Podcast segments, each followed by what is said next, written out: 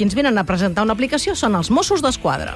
Descarrega't la nova app de Mossos d'Esquadra i podràs fer tràmits, informar-te o contactar amb els Mossos en un sol clic. La nova app incorpora un canal de contacte per violències masclistes que t'assessorarà de forma Jo directa. aquell matí el primer que he fet és obrir la botiga, bé, en aquest cas d'Apple o Google, podeu obrir, posar al cercador la paraula Mossos i us sortiran dues aplicacions, una hi posa i Mossos, aquesta no, l'altra només posa Mossos. És l'aplicació de la que parlarem, la nova aplicació, em llegeixo només eh, posar-m'hi, per poder utilitzar l'aplicació has de donar el consentiment al tractament que es farà de les teves dades, continguts personalitzats, és a dir, tal, clico, dono el consentiment, vetllem per la teva seguretat. Amb aquesta aplicació ens tindràs sempre al teu costat quan i on ens necessitis. Fes tràmits i demana cita prèvia. T'avisem del que passa a prop teu. I aleshores hi ha un seguit d'ajudes, consells, i és una aplicació feta en català, castellà, aranès i anglès. Però té moltes altres coses de les quals volem parlar. L'inspector Tomàs Copete és cap de l'àrea de seguretat de les tecnologies de la informació dels Mossos d'Esquadra. Hola, inspector, com està? Bon dia, molt bé. Bé, um, clar, jo ho he dit així en plan genèric perquè jo dic, per parlar d'una aplicació me l'he de descarregar i he de veure que és un llenguatge molt directe, que suposo que s'ha fet un esforç en aquest aspecte, no molt directe, que s'entén tot molt bé, però que ofereix exactament un- una aplicació important pel que fa a avisos també, no? Sí, efectivament, eh, s'ha dissenyat una aplicació eh, diguem, diverses capacitats, sobretot amb, és una aplicació amb, pensant en voluntat de servei, i també hi ha un espai de notificacions perquè des del cos de Mossos d'Esquadra es puguin fer avisos a la, als usuaris i usuàries de la- de l'aplicació referides a la seguretat pública i, evidentment, amb, amb, amb les qüestions diguem, que el cos de Mossos doncs, és competent.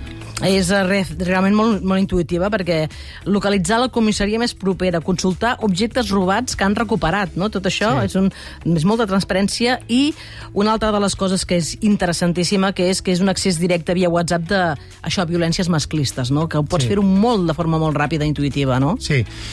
Bé, l'aplicació s'ha pensat perquè efectivament sigui user-friendly, és a dir, que sigui molt intuïtiva per l'usuari o la usuària, i tenim una primera caixa on hi ha un format dels... quan la gent se ho podrà veure, eh, en format d'aplicació, que és una icona, i aquí hi ha les, les, els serveis, el, on, on, on posa et podem ajudar, els serveis que ara per ara estan disponibles, entre els quals doncs, ja troba la teva comissaria, que el fet doncs, que un ciutadà estigui al carrer i amb el seu mòbil pugui localitzar de forma ràpida la, la comissaria que té més a prop de Guàrdia Urbana, Policia Local o Mossos d'Esquadra.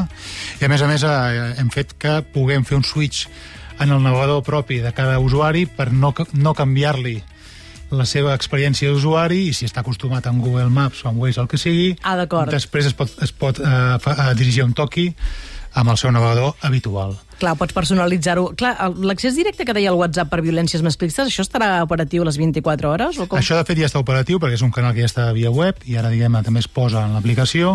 Aquí oferim, doncs, el, el WhatsApp de, de Mossos, que és un canal directe, 24 hores.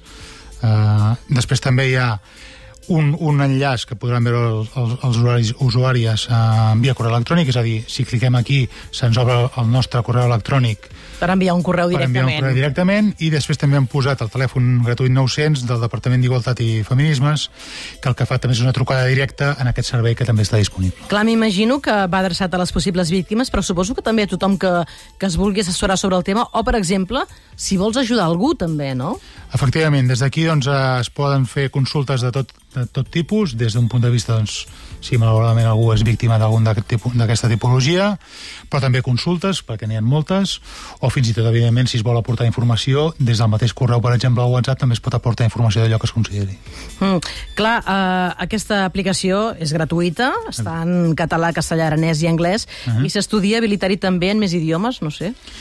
Bueno, ara per ara hem començat, hem començat amb aquests Ja idiomes. preguntatge, no? Sí, perquè evidentment eh, hem volgut començar evident, amb, amb, els, amb, els, amb els idiomes oficials de Catalunya i evidentment amb l'anglès perquè tenim una afluència important de turistes que entenem que bona part d'ells es poden manar bé amb l'anglès, però veurem més endavant doncs, si la podem fer créixer en altres idiomes. Mm.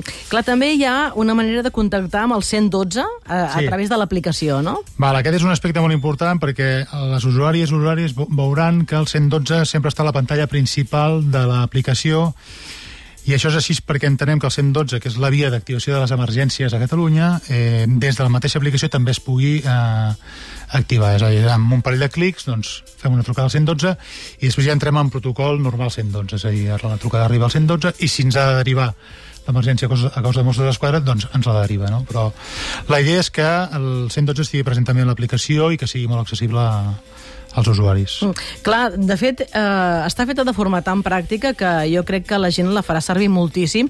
No sé si també Mossos d'Esquadra us heu preparat per això, perquè haureu de tenir gent, eh, no?, rebent tota aquesta informació. Crec que hi haurà molta gent que la farà servir, fa l'efecte. Esperem que sí, que sigui així, i evidentment a darrere hi ha un, un, un, un equip de gent doncs, que està atenent, diguem-ne, totes les parts de, de l'aplicació, ara, eh, perquè és una aplicació doncs, que de moment doncs, eh, té uns, uns determinats aspectes d'informació i consulta, però esperem fer-la créixer en, en un futur i evidentment a mesura que hi anem afegint serveis doncs hem de pensar també amb, la, amb els companys i companyes que estan a darrere i que seran policies i que estaran atenent doncs, els serveis que estem publicant. Estic segura que molta gent que ens està escoltant està pensant el que jo vaig... O sigui, quan vaig veure que sortia aquesta aplicació vaig dir es podrà denunciar i no haver d'anar físicament a una comissaria a presentar una denúncia?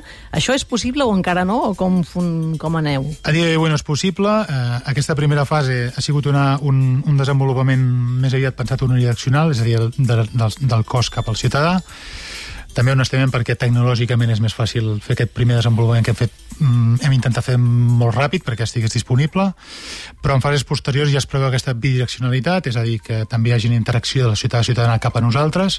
Això entranya uns desenvolupaments tecnològics que no són fàcils que ja estem pensant, que ja estem dissenyant i que intentarem doncs, que estiguin disponibles.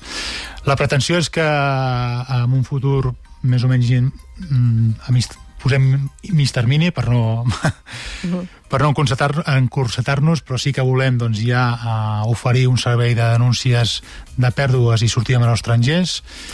Clar, és... o sigui, temes o sigui, concrets, no? Quins deia? Sí, doncs, una, la, la denúncia per pèrdues o de sortir amb estrangers, perquè són dos tràmits policials que, ha, que, es poden, que entenem que es poden fer de forma fàcil des d'un telèfon mòbil i que diem, li donem una, una comunitat al ciutadà que no hagi d'adreçar-se a una central de policia per fer aquests tràmits, que havia, doncs no, li, no li prenem el seu temps, i a més a més també fem que les, les nostres oficines d'atenció al ciutadà doncs no hagin de rebre aquestes visites i puguin atendre altres fets delictius i gestionem millor aquest, el temps mm. també d'aquesta manera, no? Clar, a mi em passa a nosaltres que aquí des del Popà parlem de molts temes digitals últimament, hi ha molts temes de ciberseguretat, hi ha no, ciberdelinqüència més aviat, o fins i tot temes de, de hackejades, d'estafes. De, Clar, és que a vegades és com una mica un contrasentit, no? Haver d'anar físicament a denunciar una cosa que t'ha passat per internet, no? Efectivament, aleshores, bueno, la, la idea és que en un futur, ja més, més, més a mig termini, doncs, es puguin fer determinades denúncies uh, per internet, hem de tenir en compte que hi ha denúncies que han de ser tractades per un policia o una companya perquè són, han de tenir una empatia o un tracte personal. Però hi ha denúncies que potser per contingut o per forma poden ser més fàcils i es poden explicar de forma més fàcils eh, de forma virtual. No? Aleshores, eh, bueno, estem pensant en un catàleg doncs, de denúncies que en mig termini puguem implementar eh, doncs a, a través de l'aplicació o altres portals webs com estem oferint a, a dia d'avui. Mm, doncs estarem pendents d'això perquè sí que aniria molt bé. bé. De fet, augmentarien molt les denúncies. Jo crec que hi ha gent que no denuncia, no? Perquè ha d'anar físicament a una comissaria i fa, entre cometes, mandra, segons com, no? Sí, home, evidentment, si posem canals uh, virtuals al ciutadà, com és aquest, doncs que aprofitem aquesta aplicació pues, uh, pues, per estar també més propers al ciutadà o a la ciutadana uh, i li oferim aquestes comoditats, doncs segurament estem trencant algunes barreres no, que, que faran doncs, que doncs els nostres ciutadans ens expliquin les, les, els problemes que tenen i ens vinguin a denunciar o ens denuncien a través d'aquests canals, no? que en uh -huh. definitiva és un, un dels objectius. Doncs això, busqueu l'aplicació, la, que de fet els Mossos d'Esquadra hi ha un munt de novetats. Fa una estona el govern ha aprovat el decret de reestructuració del cos, és a dir, que hi ha molts canvis i, de fet, eh, aquest dijous el conseller Helena vindrà al matí de Catalunya Ràdio a explicar totes aquestes, aquesta reestructuració, però ja a l'entrada ja he vist que sí, hi ha canvis, hi ha canvis. Avui és un dia important perquè la veritat és que realment s'aprova un decret doncs, que canviaran substancialment moltes coses i també canviar des d'un punt de vista tecnològic dins el, el cos de Mossos d'Esquadra i bueno, pues, crear una comissaria general tecnològica i una regió policial virtual que crec que són coses que més o menys ja s'han... Sí, hi ha hagut grans titulars, no? Arriba la Titulars. comissaria virtual. Sí.